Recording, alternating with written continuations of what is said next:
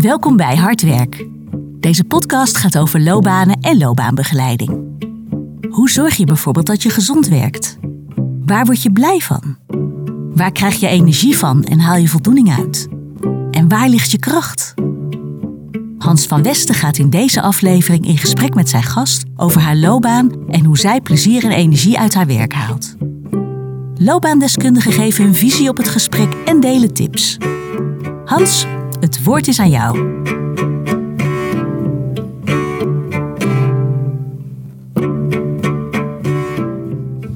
Welkom bij een nieuwe, nieuwe podcast van Hardwerk. We praten met José Kamminga. José, welkom. Dank je. Hoe gaat het? Heel goed. Ja? Mooi. Ja. Je zit er ook stralend bij, ondanks dat het buiten inmiddels hartstikke koud aan het worden is. Heel koud. Ja, Ja. ik heb allemaal laagjes aan, eh, want je weet ook nooit hoe warm het ergens binnen is. Maar eh, Is dat voor jouw eh, beroep nog lastig als het kouder wordt en de seizoenen zo een rol gaan spelen? nou, ik, ik pas goed op mezelf. Dus ja, ik, ik zorg wel dat ik een sjaal om heb met dit weer.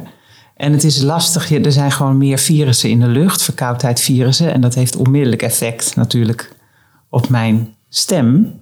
Want mijn stem is mijn werk. Ja. Voor een deel. Want ik heb twee beroepen inmiddels.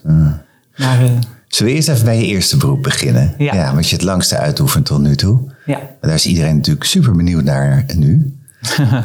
Wat doe je voor de kost? ik ben klassiek zangeres. En ik heb een vaste baan in het Groot Omroepkoor. En het Grote Omroepkoor verzorgt samen met het Radio Philharmonisch Orkest... de concertseries van de publieke omroep op Radio 4. Ah, dus mensen kunnen dat kennen. Ze kunnen het kennen eh, als ze graag naar Radio 4 luisteren of met enige regelmaat eh, in Tivoli Vredenburg komen of in het concertgebouw in Amsterdam. Ja. En werkt het dan ook zo dat mensen ook jouw stem kunnen kennen? Of zit dat altijd opgesloten in de groep? Zeg Als het maar? goed is, hoor je mij niet eh, uit, de, uit de koorklank komen. Nee. Want we moeten echt een hele homogene klank vormen. En We zijn eh, met zo'n 60 zangers. Soms iets kleinere bezetting en soms ook groter. Eh, en dat moet natuurlijk gewoon heel mooi mengen. En ja, dus nee, ik- ze kunnen mijn stem kennen als ze me een keer solo hebben horen zingen bij Ja, het koor. Want dat gebeurt ook wel eens. Ja. Is dat nou een eh, fulltime baan, eh, José? Ja, dat is het. Ja. Dat is voor veel mensen niet voor te stellen. Nee. Ik krijg ook wel eens de vraag van... Goh, wat doe je dan overdag? Omdat de meeste mensen die in een koor zingen... doen dat één keer in de week s'avonds. Ehm maar ik repeteer vijf dagen in de week. En dat is dan van kwart over tien tot half drie. Want je kunt niet acht uur per dag zingen. Maar er wordt wel verwacht dat je thuis je, de muziek voorbereidt... eh, je stem in goede conditie houdt ja, de noten studeert, dat soort dingen. Ja. Dus eh, op die manier wordt het eh, vanzelf een fulltime baan. En in de weekenden hebben we concerten. Ja, dat Live vragen. Hoe, hoe vaak moet je dan voor het? En dat is in het weekend vooral. Ja, op vrijdagavond of zaterdagmiddag. En dan soms de vrijdagavond gecombineerd met de zondagochtend. Oké. En hoe lang heb je dat werk al gedaan? Ik kreeg eh 16 jaar geleden mijn vaste baan. En daarvoor was ik freelancer in het Groot Omroepkoor. En ehm, toen wist ik al, dit is mijn droombaan. En het is ook zo dat er, dat heb ik me afgelopen week laten vertellen, dat er in heel Nederland maar 40 alten zijn. Ik, ben dan, ik heb een altstem. Eh 40 alten met een vast dienstverband. Dus het is echt behoorlijk eh, moeilijk om ja, je brood te verdienen met alleen maar zingen.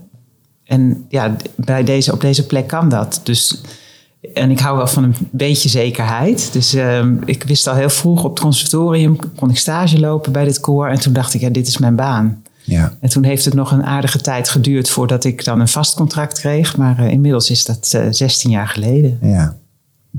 En hoe oud ben jij nu? Ik ben 49. En eh, kun je zo'n baan volhouden tot, eh, tot de AOW-gerechtigde leeftijd? Ehm, er zijn mensen die dat kunnen, ja. En heel veel mensen die hebben ook geen keus. Eh, ik weet niet of ik dat kan. Want ehm, er zijn, ja, het is fysiek een zwaar beroep. Vroeger werd het ook aangemerkt als een fysiek zwaar beroep. En mochten volgens mij vrouwen al met 58 stoppen en mannen met 60. Waarom dat onderscheid, weet ik niet helemaal, maar goed. Uh, inmiddels uh, is dat niet meer zo. Dus nu moeten we allemaal door tot 67 en ik waarschijnlijk wel tot 68. En ik weet niet of ik dat uh, op het niveau waarop ik het wil kunnen doen. Nee, precies. Kan. Kijk, want je ziet ook bij sporters en zo, dat is op een gegeven moment echt wel over. Ja. Als je dat fysiek niet meer aan kan. Ja. Hoe, hoe werkt dat bij zangers en zangeressen? Nou, nou is het gemiddeld genomen zo dat het voor de hogere stemmen wat moeilijker is om het tot het eind vol te houden dan voor de lagere stemmen. Dus daarin zit ik goed, want ik heb een lage stem. Maar je merkt vooral uh, dat het, de hersteltijd uh, langer duurt.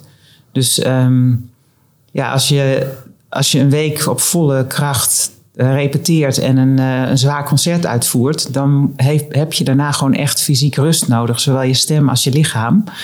En de tijd om te herstellen, ja, die wordt langer. Dat Ja. merk ik nu al ten opzichte van 15 jaar geleden. Ja, ja. Dus ik kan me alleen maar een voorstelling maken van hoe dat dan over 15 jaar is. Gebruiken jullie ook wel in, in zo'n beroep de vergelijking met een sportprestatie, zeg maar? Ehm, ja, ehm, nou moet ik zeggen dat heel veel eh, zangers of mensen die in de culturele sector werken niet direct ook sportfanaat zijn. Dat, eh, ik ben toevallig een van de weinigen die dat wel is. Ehm, dus in die zin wordt die vergelijking niet vaak getrokken, maar, het, maar iedereen ervaart het wel als topsport. Ja, het is wel, zingen is wel een vorm van topsport bedrijven. Want je moet ook, het is een, een way of life eigenlijk. Je weet altijd, ik drink bijvoorbeeld geen alcohol als ik weet dat ik morgen moet zingen. Nou ja, ik zing vijf, zes dagen in de week, dus ik drink sowieso vijf, zes dagen in de week geen alcohol. Kan je er ook niet goed tegen, hè? Uh, nou, dat zou ik nog verbazen, Hans. ja, nee, maar... ehm, want dat heeft onmiddellijk wel invloed op mijn stem. Dat, er zijn ook mensen die er wel goed tegen kunnen... bij wie dat minder invloed heeft. Maar ik merk ook, nu ik wat ouder word... dat het meer invloed heeft. Uh, slaap is heel belangrijk. Um, ik ben niet graag in drukke gezelschappen... waar je heel hard moet spreken. Um, dus ja, het heeft gewoon invloed op, op je leven... Ja, en je leeft, ik denk, een klein beetje zoals topsporters dat ook doen. Ja. Nou is het wel zo, en dat geldt ook wel voor topsporters, denk ik, dat je ook zo'n goede techniek ontwikkelt en um, zo goed onderhoud pleegt, als het goed is, uh, dat je daardoor ook wel wat je grenzen wat kan verleggen hier en daar. Rekenen jullie zo'n grote omroepkoor nu tot deel van de culturele sector en hebben jullie dan als sector iets met elkaar? Dus als je toneelspelers tegenkomt of mensen met een podcastbedrijf of weet ik van wat, dat je denkt, oh ja, wij zitten een beetje in dezelfde sfeer. Ja, ja we zijn heel duidelijk uh, onderdeel van de culturele sector.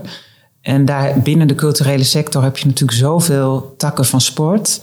Uh, dus wij zitten wel heel erg in de klassieke muziekhoek. Dus um, we zijn duidelijk verbonden met alle landelijke orkesten.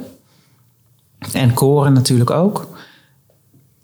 En ja, je hebt wel eens leuke crossovers, zeg maar. Dus we hebben wel met het Metropoolorkest Avond van de Filmmuziek gedaan. En ja, ja, je bent wel allemaal collega's. Zo voelt Ja. dat ook, zeker. Ja, precies. Ja. En ook, je voelt ook de verbinding met dansers. eh, en eh, ja, toneel ook.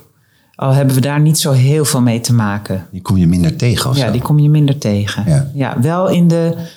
Tenminste, zeker als je in zo'n koor zingt. Wel als, als eh, zangeres kom ik, krijg ik er wel mee te maken. Ik heb ook veel muziektheater gedaan. Want voordat ik mijn baan kreeg in het omroepkoor was ik freelancer. Nou, dan pak je van alles aan en dan, dan doe je zo ontzettend veel. Ja. Eh, en dan voel je wel dat die sector... dat je allemaal in hetzelfde schuitje zit in de culturele sector. Hoe gaat het met de loopbaanbegeleiding in die sector? Vertel er eens wat over. Ja, nou, mensen, als je in de culturele sector werkt, zeker als uitvoerend kunstenaar, um, ja, dan ben je bezig met je passie. Um, ik vind het te ver gaan om te zeggen met je hobby. Heel veel mensen zeggen: Oh, je, je hebt van je hobby je werk gemaakt. Zo zie ik het niet. Um, het is ook echt zeker geen hobby meer. Dat, en dat bedoel ik niet negatief. Mm -hmm. Maar het is wel je passie. En, je, en het is ook een ambacht. Dus je hebt heel hard gewerkt om dat vak helemaal te beheersen. Of het nou uh, beeldend kunst is, of toneelspelen, of dans, of een instrument of zang. Uh, ja, daar zit heel veel jaren hard werken in om dat helemaal perfect te krijgen, ambachtelijk. Uh, dus het is niet heel gebruikelijk om om jezelf een loopbaanvraag te stellen in de zin van wat wil ik nog meer ontwikkelen of wat kan ik nog meer. Dat iedereen voert zijn vak uit en doet dat zo goed mogelijk. En je leeft ook vaak nog eens in de waan van de dag. Uh, altijd achter werk aan als je freelancer bent of van productie naar productie. Als je een vaste baan hebt. Dus er wordt niet heel veel bij stilgestaan. En er is... Het klinkt ook wel eens overleven. Ik denk voor, voor freelancers, ZZP'ers, is dat zeker zo. Ja. Het is echt vrij hard overleven. Want ja. Dus, ja, de waardering uh, financieel gezien in de culturele sector is natuurlijk heel laag. Dus het is echt, uh, ja, vaak de, de eindjes aan elkaar knopen en uh, pakken wat je pakken kan. Ja. En jezelf verkopen. Dus, um, maar het is wel zo dat er nu meer aandacht voor is voor loopbaanbegeleiding in de culturele sector. En dat het dus nu wel steeds meer gebeurt. En um, ja, ik denk dat het ontzettend belangrijk is. En hoe komt dat, dat het meer gebeurt? Wat nou, is er gebeurd dat het meer is gaan gebeuren? um, ja, er zijn. Er, uh, nou, wat ik, wat ik zelf weet als voorbeeld is dat. Uh, de culturele sector meer is gaan praten ook met elkaar. Dus er zijn, samenwerking is er gezocht uh, hierin.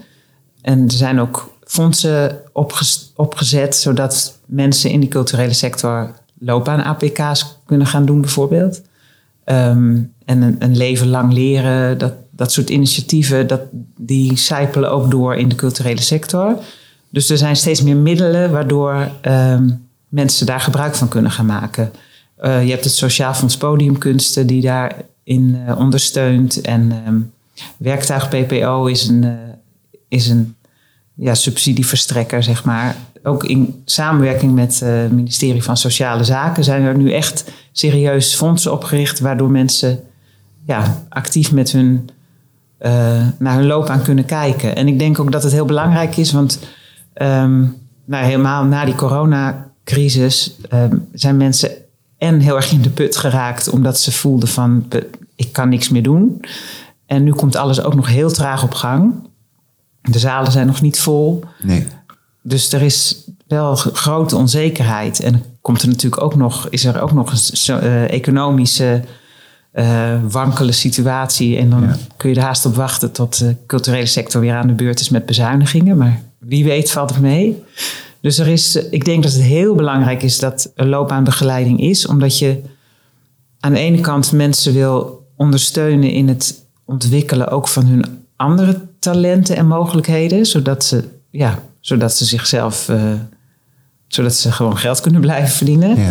Maar ook omdat je ze niet kwijt wilt raken. Dat je, je wilt dat de culturele sector overeind blijft. Ja. En er verdwijnen ook heel veel mensen uit die sector. Dus ik denk dat loopbaancoaching ook een rol kan spelen um, bij het behoud van mensen en bij het zoeken naar nieuwe mogelijkheden en nieuwe kansen.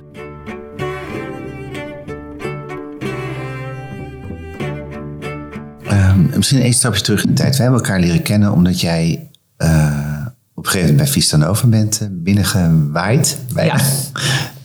En zei van nou, ik wil die opleiding doen tot uh, loopbaancoach. Ja. Net afgerond volgens mij? Ja, uh, een paar maanden maart, geleden. Ja, half jaar geleden. half jaar geleden. Ja. Um, hoe werkt dat voor jou? Wat was jouw motief om die opleiding te gaan doen? Ja, dan moet ik nog iets verder terug in de tijd. Mm -hmm. uh, het begon allemaal in, ik geloof 2015. Toen werd het Grote Omroepkoor bijna opgeheven. Het hele muziekcentrum van de Omroep, waar wij deel van uitmaakten, werd uh, in een regeerakkoord opgeheven.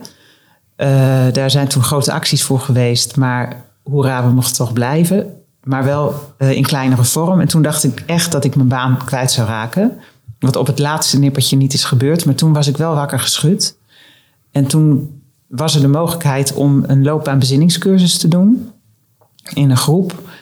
En het was ontzettend leuk. Uh, dat, ja, ik kan het iedereen aanraden, echt waar. Het is echt zo leuk om, ja, om daar met, in een groep ook over na te denken. Van wat kan ik nog meer? En ook terug te krijgen van anderen van wat ze in je zien.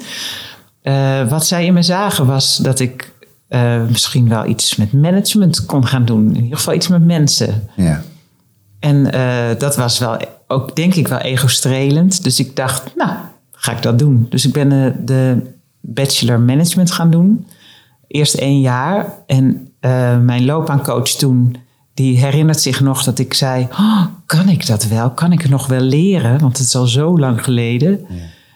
Nou, ik kon dat dus nog wel. En ik vond het ontzettend leuk. Echt, ik heb zo genoten. Dus na één jaar dacht ik, ik ga de hele opleiding doen.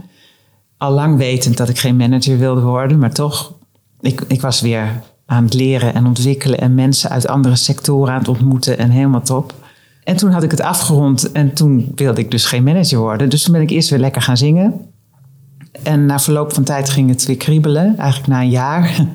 En toen kwam ik weer terug bij mijn loopbaancoach, die heel actief is in de culturele sector. Ze is, Els Maas heet ze en ze is echt toch wel een van de bekendste culturele sector loopbaancoaches. Ja. Um, toen kwam ik bij haar terug en aan het eind van de rit uh, bij haar uh, kwam, moest, kwam ik tot de conclusie dat, dat ik zelf loopbaancoach wilde worden. Juist ook om mensen in die culturele sector uh, ja, daar iets aan te kunnen bieden. En hoe werkt het dan? Hè? Want dan, dan heb je een goed voorbeeld van Els. Ja. Die zegt, oh ja, de, de, dat is leuk werk en ik zie dat ze het goed doet. je hebt je eigen ervaring van, oh, dat is spannend soms in die sector. Ja. Hoe ga je daarmee om? Je ziet ook dingen om je heen gebeuren. Ja. Van mensen die het niet meer redden of die een brood niet meer bij elkaar kunnen scholen. Uh, echt moeten switchen. Je hebt die ervaring van die groep gehad. Wat, wat speelt dan allemaal als je zegt, ik ga me daar echt in bekwamen? Welke motieven komen dan op? Nou, één motief is puur voor mezelf dat ik zie dat ik me in dit vak heel lang kan blijven ontwikkelen. Dat, ik, dat niks vaststaat. Maar dat, ja, dat ik zowel met individuen als in groepen dingen kan gaan doen wat, wat ik heel leuk vind. Dus dat is puur mijn eigen motivatie voor mijn eigen groei. En ik hou ontzettend van leren, dus ik kan eindeloos doorleren nog. um, en het andere is dat ik heel nieuwsgierig ben naar mensen. Um, ik, ik zeg wel eens, uh, ik vertel wel eens iets aan mijn kinderen over dat ik iemand heb gesproken en zeg: God, dat is zo leuk iemand, zo interessant. Ja, mam, jij vindt iedereen leuk en interessant. Nou, dat is dus ook zo.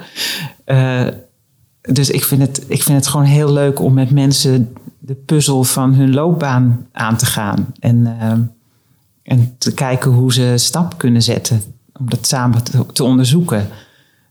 Dus dat is ook echt een motivatie. En ja, inderdaad die culturele sector en levend houden. Het, ik, het is een beetje dubbel, want bij sommige mensen denk ik, vlucht nu nog kan, weg uit die sector.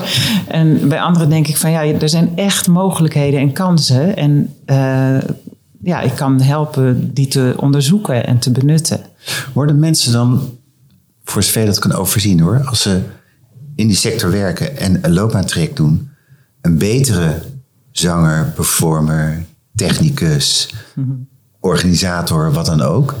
Dus, dus binnen de sector simpelweg groeien en doorgroeien als mhm. gevolg van loopbaanbegeleiding? Um, nou, dat is wel grappig. Ik sprak vandaag een violiste die ik vanaf volgende week mag gaan coachen. En ze vroeg zich af wat het nou precies ging inhouden, de loopbaancoaching. En toen zei ik van, nou ja, ik ga jou niet coachen om een betere violist te worden. Maar je kunt wel gaan kijken welke andere talenten je nog in kan zetten om je loopbaan tot aan je pensioen voor jezelf interessant te houden, maar ook uh, ja, om te anticiperen op dat wat er misschien gaat komen of misschien niet. Um, en ik denk wel dat als je je bewust bent van je, van je mogelijkheden in wat bredere zin, dus niet alleen in dat ene ambacht en die ene passie, um, dat dat ook absoluut je werk als muzikus ten goede komt. Het wordt wat stabieler dan misschien ook. Ja, of juist uh, inspirerender. Ja. Dat, dat merk ik bij mezelf. Ik, sinds ik uh, loopbaancoach ben, eh, ben ik een veel blijere zangeres ook. Ja, ja, ja. ja. Ja, ik zing met, met meer energie en plezier dan een jaar geleden. Omdat ik weet, oh, ik mag ook nog coachen. Know? Ja. Dus ik denk dat als je je kansen en je kwaliteiten eh, benut en ja, kan inzetten, ja, dan word je gewoon een, eh, een blijer mens van. En dus ook een betere werknemer, misschien zo gezegd. Ja.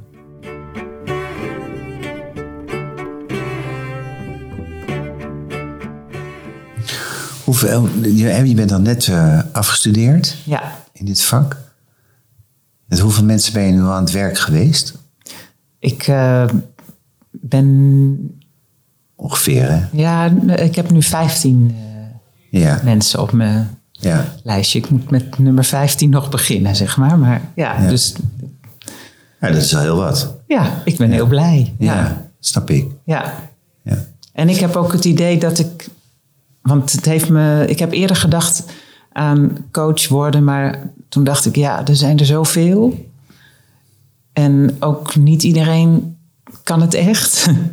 Dus ik dacht, als ik het ga doen, dan wil ik het ook echt goed doen.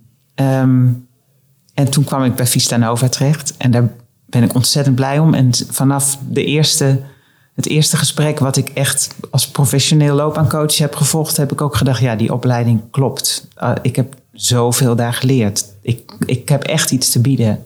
Ja. En ehm, dat in combinatie met mijn eigen ervaring in die culturele sector, ja, voelt het gewoon heel goed. Dus het, eh, ja, erg mooi om te doen is het. Ehm, behalve mooi om te doen en fijn om te doen, hè? heb je ook dan een beeld van waar dat toe moet leiden voor jou? Nou, ik sta open voor alles. Dat, Ehm, ik doe nu veel loopbaan APK-gesprekken. Dat, is een- dat is een korte serie gesprekken, drie gesprekken, waarin al heel veel kan gebeuren. Ik vind het ook heel leuk om wat langere trajecten te doen. Ik vind het leuk om met mensen van allerlei lagen uit die culturele sector te werken. Dus niet alleen uitvoerend, maar ook staf en ehm, mensen die eh, op, op, wel op de vloer werken, maar wel achter de schermen, zeg maar.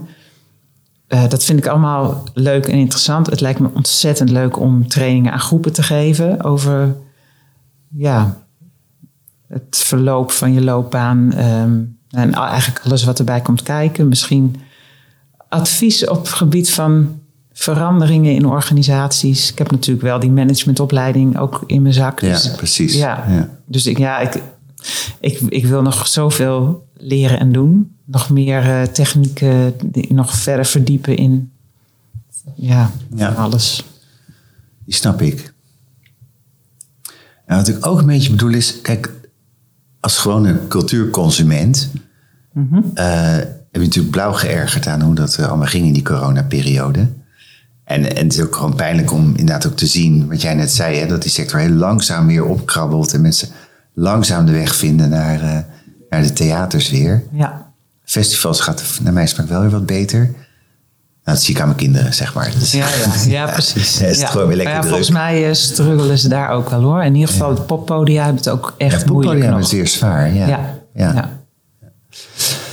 Het zou natuurlijk mooi zijn als dat soort initiatieven waar jij eh, aan werkt en ook de consequentie hebt genomen door jezelf erin te bekwamen en ook echt bij te dragen.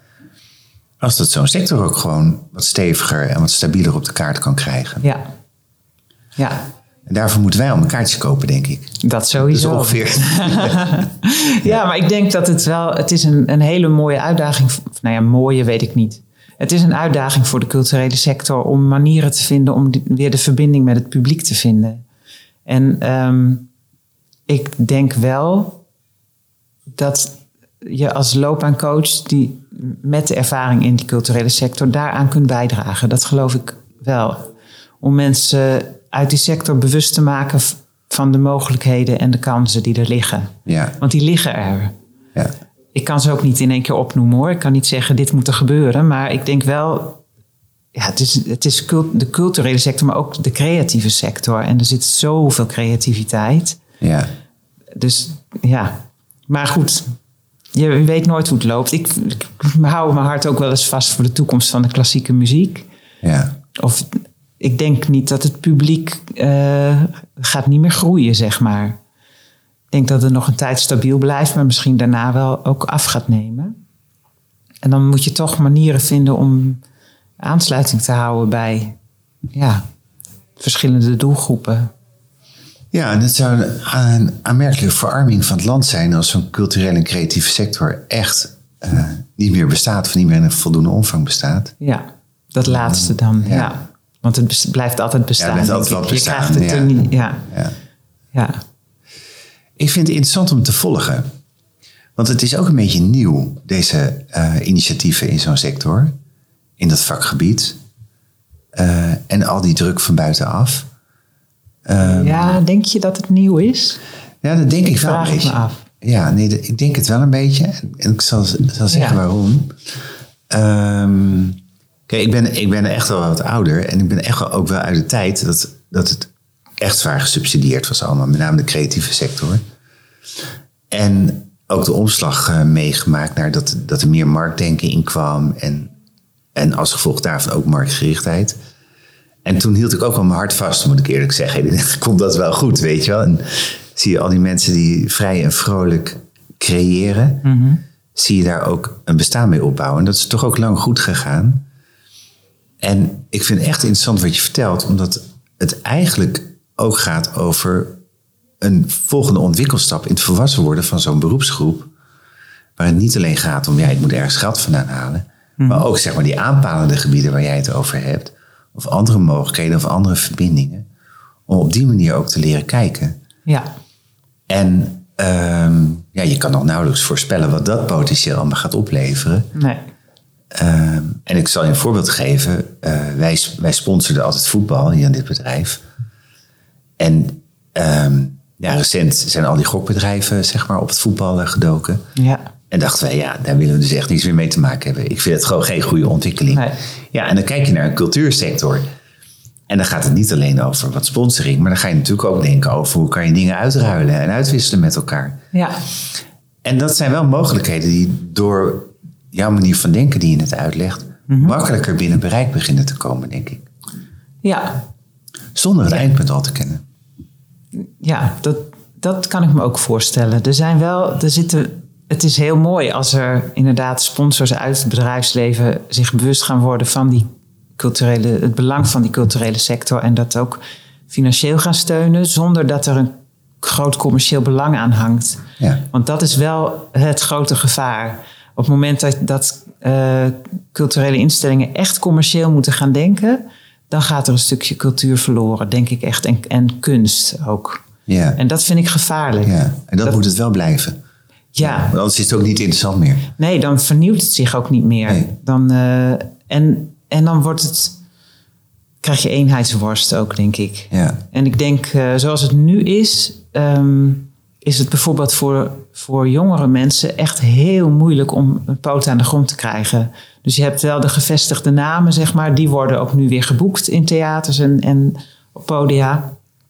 Eh, maar voor nieuwe mensen is het echt heel pittig. Dus daar is altijd geld voor nodig. En eh, het is niet een. eh, ja, net wat ik zeg, op het moment dat het commercieel wordt en je.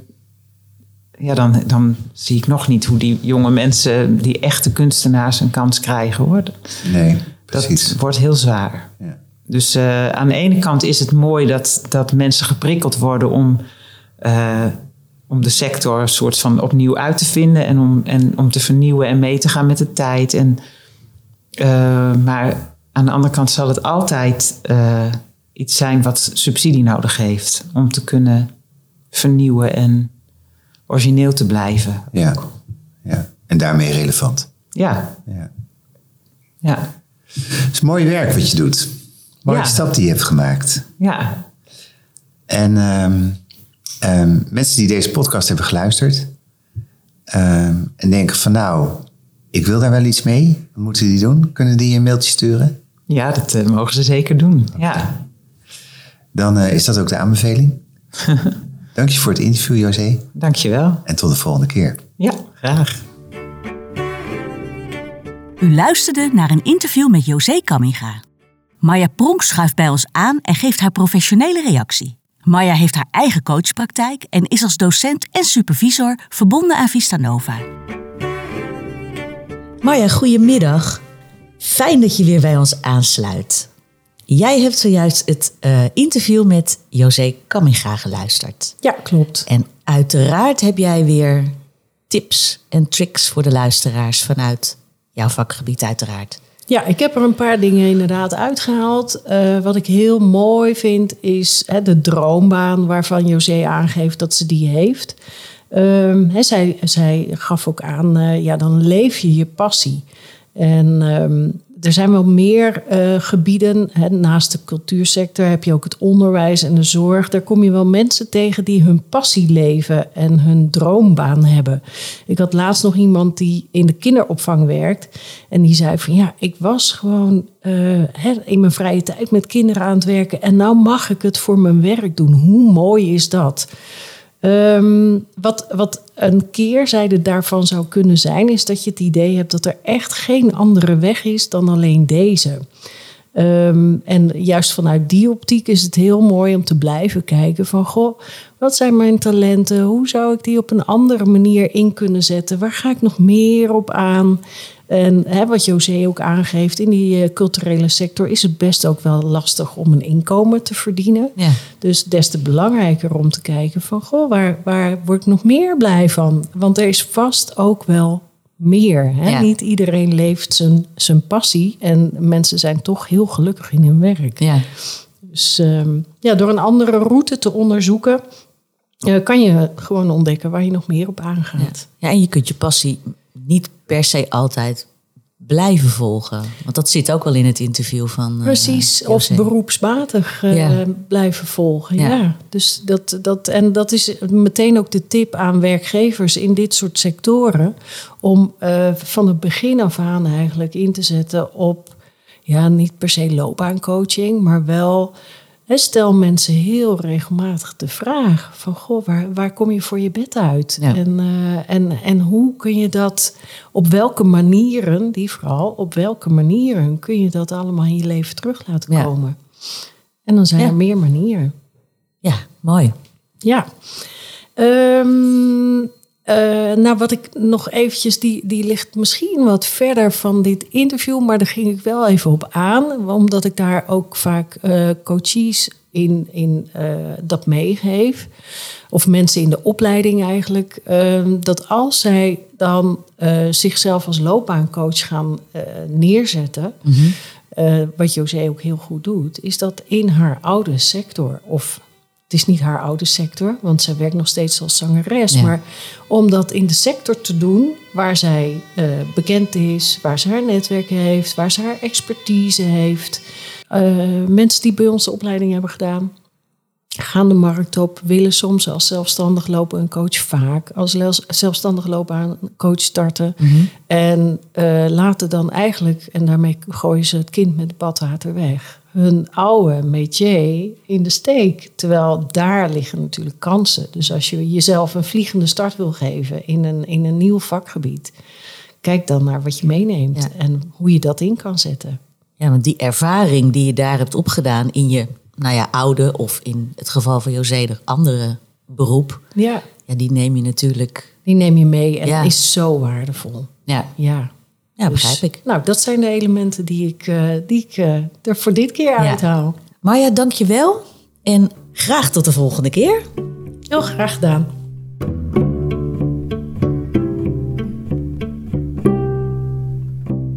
Dank je voor het luisteren naar Hard Werk, een serie van Grades Groep in samenwerking met Vista Nova. Heb je naar aanleiding van deze aflevering vragen? Neem gerust contact met ons op. Wil je graag meer horen? Abonneer je dan op deze serie. Tot de volgende aflevering.